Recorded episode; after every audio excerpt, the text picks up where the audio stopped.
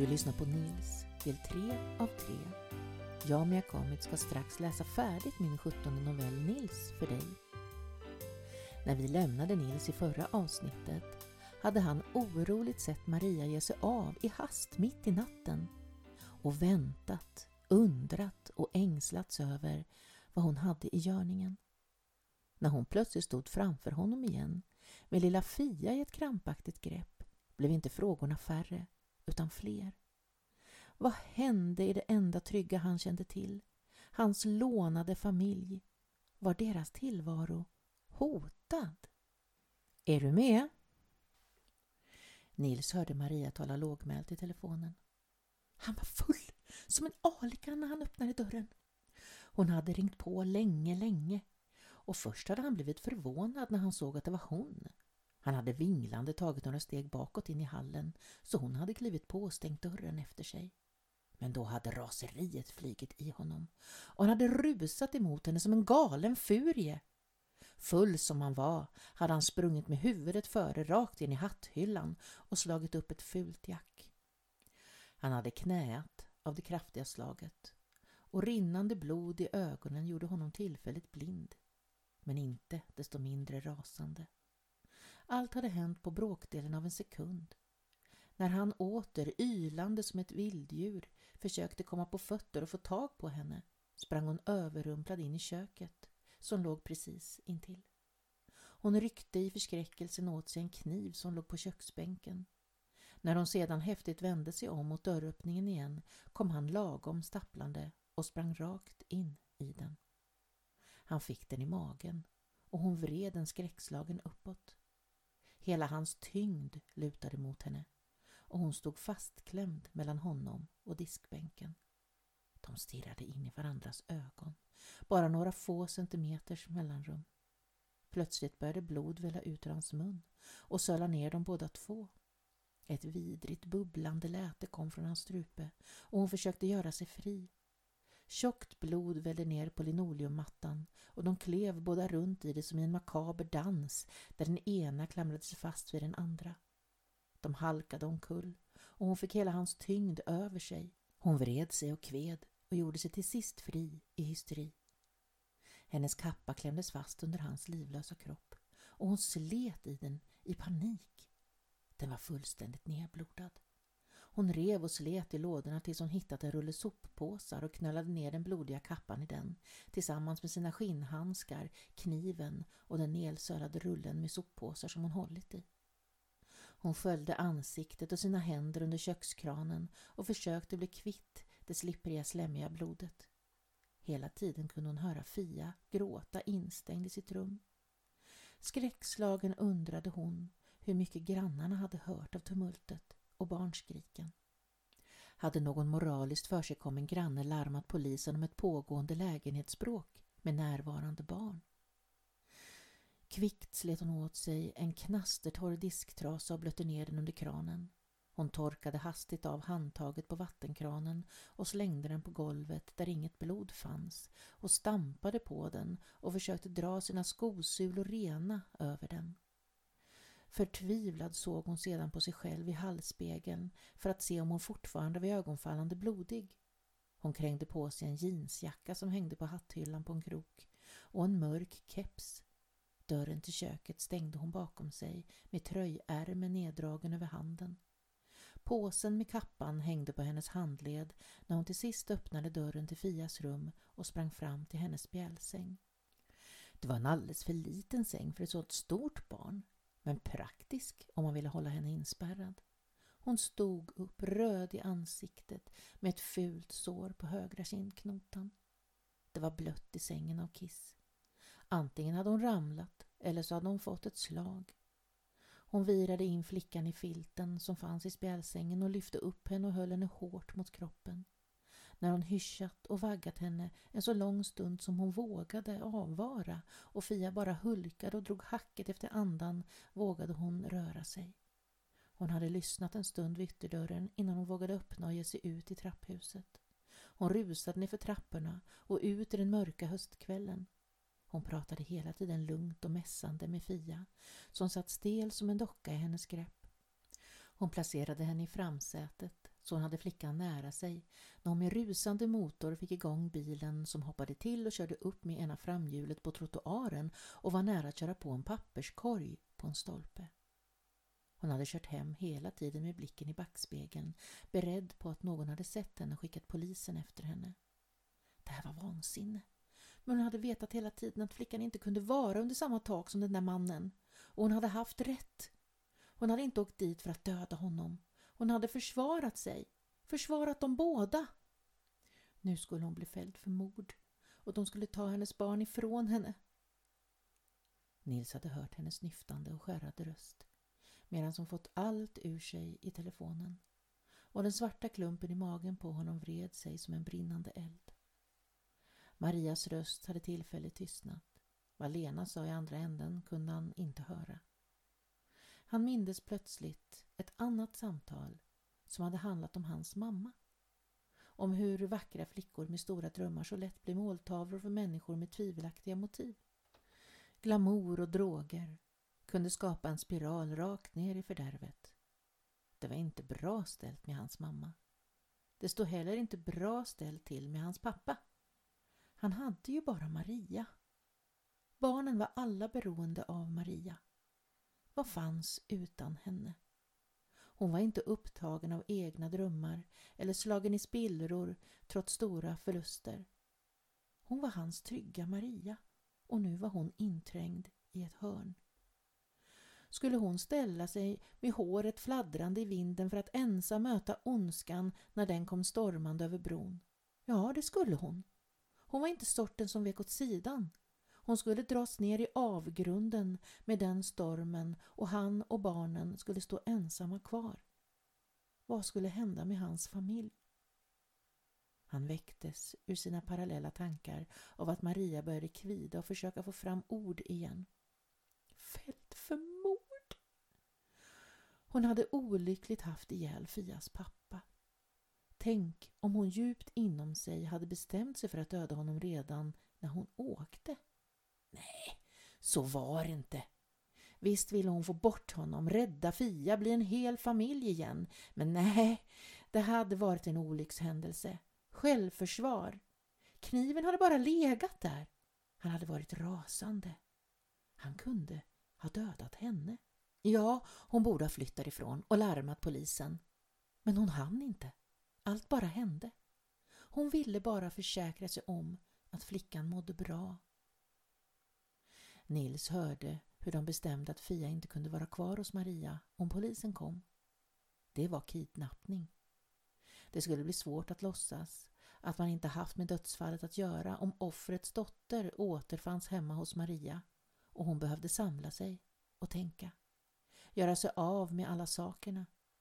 Fia skulle få bo hemma hos Lena tills de kommit på vad de skulle göra. Någon måste ju upptäcka snart att det ligger en död man i lägenhet på andra våningen borta i hyreshuset. Nils halsduk hade blivit kvar i köket i röran. Det var inte bra. Det går ju inte att få tag på den nu. Dörren var låst. Nej, ingen visste ju att det var hans. Men ändå. Han hade fått den i julklapp, hemstickad i hans favoritfärger. Visste inte varför hon hade tagit den. Det verkade ju vara kallt. Den hängde bara där, bredvid kappan. Handskarna låg i ena fickan. Skulle de gå att spåra? Nils sitter vid sitt skrivbord. Ett mardrömsliknande dygn har gått. Fia är hos Lena. Hon hämtade henne på morgonen efter. Det ligger en stilla väntan och dallrar i luften.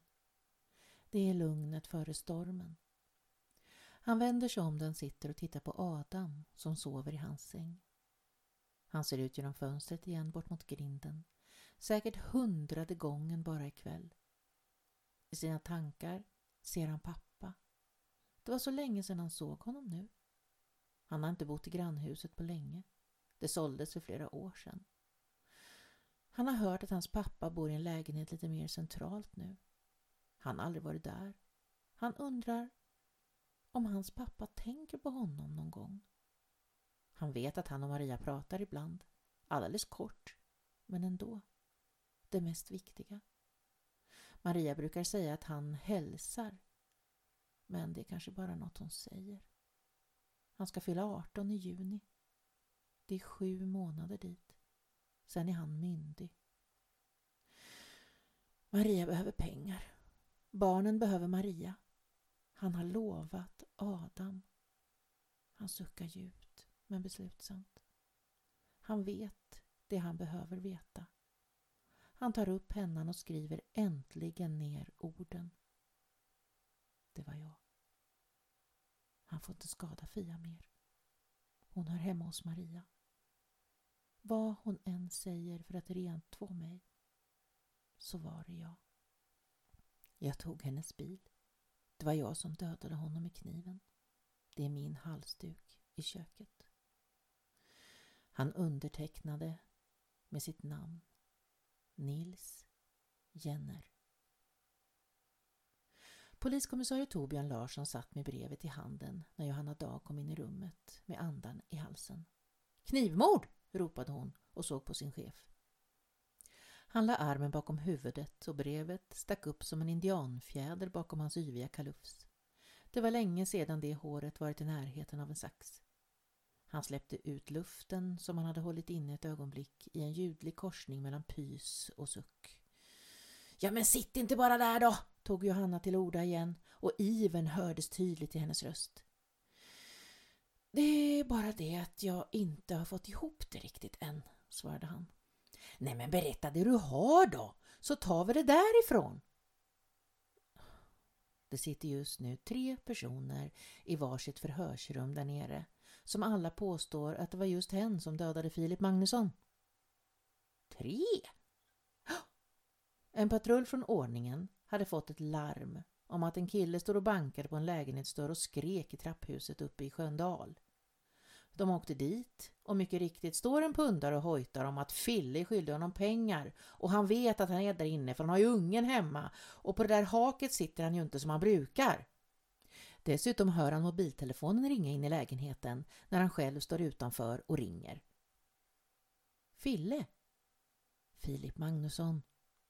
De tog med sig den upprörda uppgiftslämnaren därifrån men skickade en annan patrull till lägenheten. En boende på våningen under hade nämligen nyfiket stuckit ut näsan och bekräftat att Filip Magnusson hade barn och att det ofta var bråkigt i lägenheten men att det hade varit ovanligt tyst i några dagar.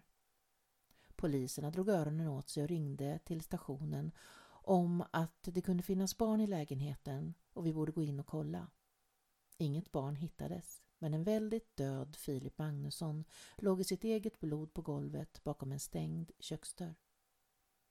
Saknas barnet? Nej. En fyraårig pigg och söt Fia påträffades tillsammans med en 17-årig pojke i stadsparken tidigare idag. Han gungade henne medan han väntade. Hade han kidnappat flickan och dödat hennes pappa? Han säger det. Men det är något underligt med det hela. Brevet du håller i? Mm, det är just det. Det påträffades hemma hos Maria Bro vakt på Vetestigen. Jaha. Det verkar som om hon haft lilla Fia boende hos sig medan Filip Magnusson satt på behandlingshem och försökt få ordning på sitt liv. Hur hörde pojken dit då? Tja, det verkar som grabben hade ett eget rum där hos henne. Brevet låg på hans skrivbord. Var han fosterhemsplacerad hos Maria? Nej, det verkar inte så. Ja, men nu begriper jag ingenting. Vilka är de andra två som tar på sig mordet? Så här, började Torbjörn. När patrullen märkte att barnet saknades gick det ut ett allanrop till alla myndigheter. Vi fick via socialtjänsten veta att flickan varit placerad hos Maria medan hennes far varit på behandlingshem. Vi hämtade in Maria och genomsökte hennes hem efter flickan men hittade istället ett brev från Nils Jenner som i det tar på sig mordet på Fias far. Han skriver att han vill rädda flickan och att hon hör hemma hos Maria. En patrull hämtar upp Nils och flickan i parken eftersom han omedelbart svarar i sin mobiltelefon när vi ringer. Han berättar utan omsvep var han är. Han vill bli hittad. Torbjörn plockar fram ett kollegieblock och börjar rita upp Marias hus och ett hus bredvid på en tom sida. Han berättar att han fått veta att granne med Maria Brovakt hade familjen Jenner tidigare bott. Deras son Mattias hade varit jämngammal med Marias son Olof och de har varit bästa vänner sedan barn. När pojkarna varit tonåringar hade Marias make och son Olof omkommit i en viltolycka. Av någon anledning hade Mattias Jenner senare tagit över huset efter föräldrarna och ytterligare några år levt ensam där med en egen liten pojke, Nils. Mattias hade inte mått bra och orkade inte alltid ta hand om pojken och då hade grannen Maria varit den som tagit hand om honom. Så han bodde där ibland? Nej, han eh, hade nog bott där permanent, verkade det som. Men, han var ju inte fosterhemsplacerad sa du ju. Nej, det var nog en högst privat lösning. Men, hans mamma då? Ut ur bilden. Eller aldrig i den. Hon flyttade till USA när Nils bara var två år för att bli modell och skådespelare. Jaha. Så han har bott med Maria sedan dess? Ja, sedan fyra femårsåldern, vad det verkar. Får man göra så? Ja, vad ska man säga? Det verkar inte ha gått någon nöd på någon av dem. Men Maria säger att det är hon som dödat Magnusson för att rädda skinnet på Nils. Ja, det är lite konstigt. För Magnusson har varit död i åtminstone tre, kanske fyra dagar. Antingen har Maria dödat Magnusson för att hon tror att hon ska få bli vårdnadstagare till Fia och Nils skyddar henne för han inser att Maria kommer att förlora Fia om hon blir dömd för mordet. Samtidigt är det väldigt underligt om Maria så ogenomtänkt dödat honom. Hon blir ju omedelbart utpekad som den med starkast motiv. Och hon verkar vara en intelligent och mycket sansad kvinna som redan har ansvar för tre små barn.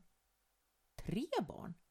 Ja, hon har ansvar för en liten åttaårig syriansk ensamkommande pojke sedan en tid tillbaka. Och så har hon en tioåring boende hos sig varannan vecka och helg då hans mamma arbetar skift. Ja, och så Nils då.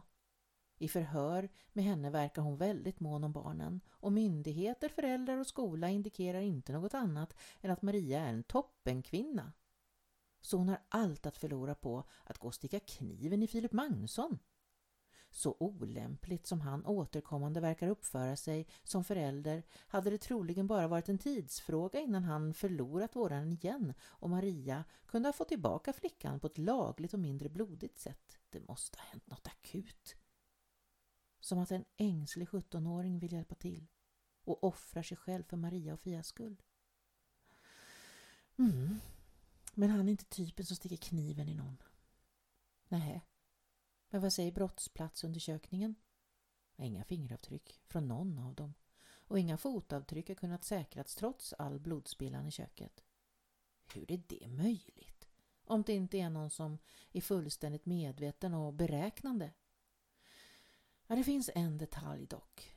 Det som binder dem båda till brottsplatsen. Vad? En halsduk. Hade inte Nils nämnt den i sitt brev hade vi inte kunnat binda den till någon av dem. Nils säger att halsduken är hans och att han tappade den när han stack kniven i Magnusson.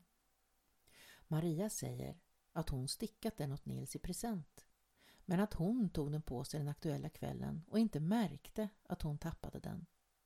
Hur kan de veta att det finns en halsduk på brottsplatsen om de inte har varit där? Det finns inga spår av blod på någon av deras kläder Båda säger att de gjorde sig av med de blodiga kläderna för att inte dra uppmärksamheten till sig på vägen hem. Kan det stämma? Vi har inte hittat något och i dagens läge har folk så mycket kläder att välja på så det märks inte om det saknas något. Inte skor heller. Nej, det varken återfinns eller saknas. Men vem är den tredje personen som erkänner mordet då? Mattias Jenner. När det ringde i Mattias Jenners telefon satt han på sitt kontor. Han hade lyssnat tyst och uppmärksamt när polisen i andra änden förhört sig om han var far till Nils Jenner som för tillfället befann sig på södra distriktets polisstation. Han hade avböjt att bli hämtad till stationen utan erbjudit sig själv att omedelbart komma dit för egen maskin. Det skulle ta honom mindre än en timma att vara på plats. Han skulle bara avsluta det han höll på med och upplysa sin chef om att han tog resten av dagen ledigt. Han satt nu i det lilla förhörsrummet och väntade. Vad säger du själv? undrade Torbjörn och tittade på Johanna. Nu när du har hört alla, tycker du någon av dem verkar mer skyldig än den andra eller tredje? Han och Johanna hade vridit och vänt på allt de hade fått fram i den underliga soppa rörande Filip Magnussons död. Trots att deras berättelser är så olika framförda så är händelseförloppet identiskt. På något märkligt sätt är det som om alla tre har varit på brottsplatsen samtidigt och ändå inte. Det är som det vore filmat och alla sett filmen. Vi vrider och vänder på frågorna och det finns alltid svar. De håller ingenting tillbaka. De är noggranna och samarbetsvilliga. Alla pratar otroligt väl om varandra. Ja, de måste ju ha pratat ihop sig på något vis, sa Johanna. Ja, men enligt Maria visste inte Nils om att Magnusson var död. Och varken Maria eller Nils har någon stadigvarande kontakt med Mattias Jenner. Nej, men det kan vara något de säger. Nej, Johanna, jag tror inte det. Det kan du ju inte veta. Nej, men varken Maria eller Nils vet om att vi har Mattias Jenner på stationen.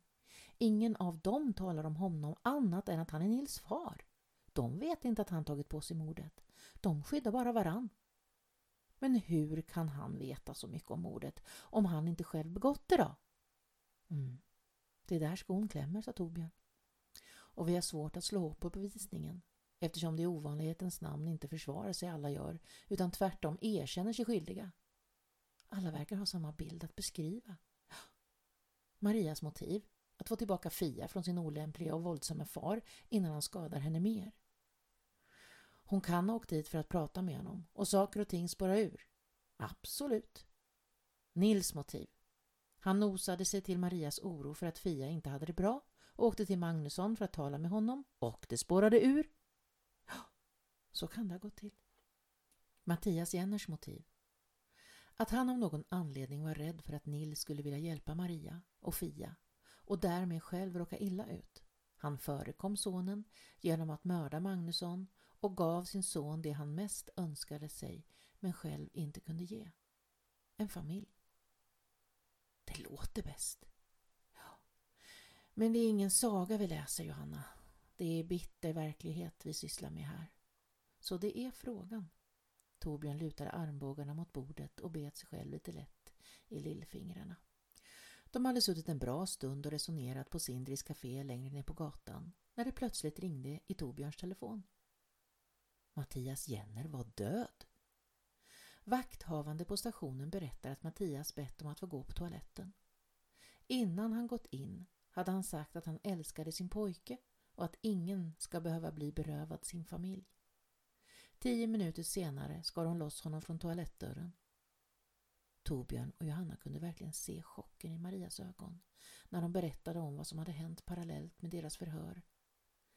Hon hade helt klart inte övervägt att Mattias skulle ha någonting med saken att göra. Tårar hade stigit i hennes ögon och hon begravde ansiktet i sina händer. Efter det blev det inte mycket mer sagt. Hon bara skakade på huvudet och frågade om Nils.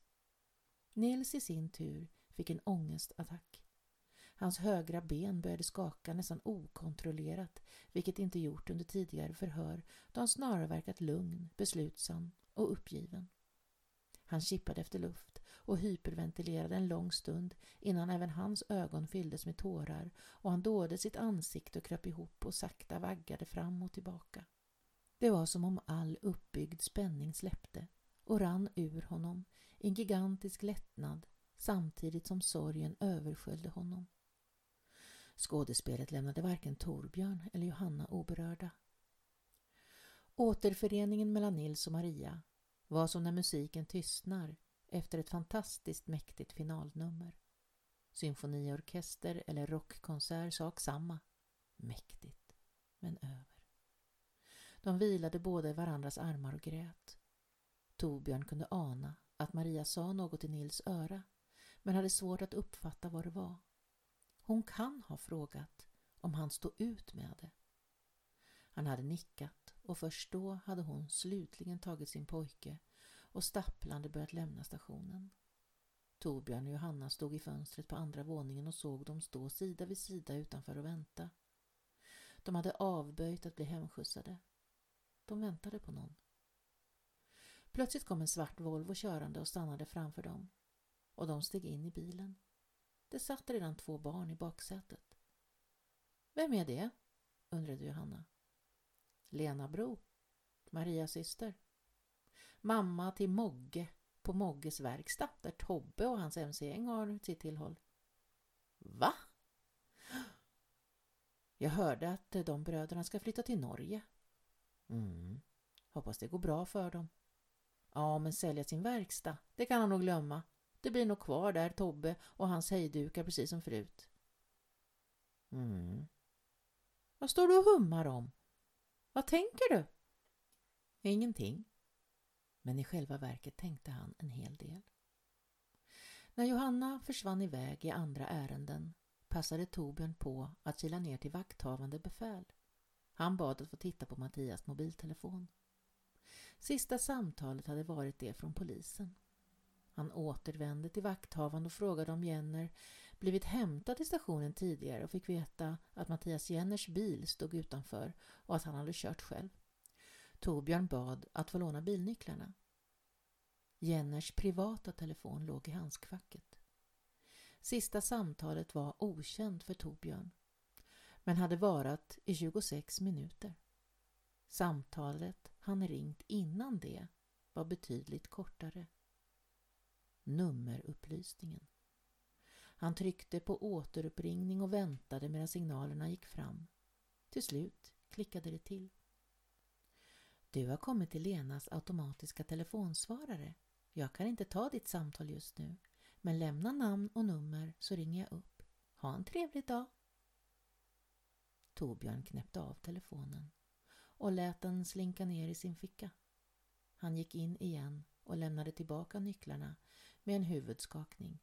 Inget, sa han och nickade mot vakthavande. Nu tar vi kväll.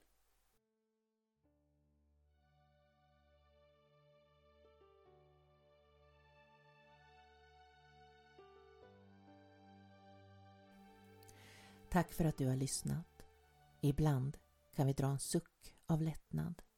Men det påminner oss också om hur saker och ting skulle kunna gå. Vi vet vad som är bäst, kanske också näst bäst. Vad som kan kännas okej okay och till och med uthärdligt. Men det finns scenarier som skulle innebära katastrof. Sånt som inte får hända.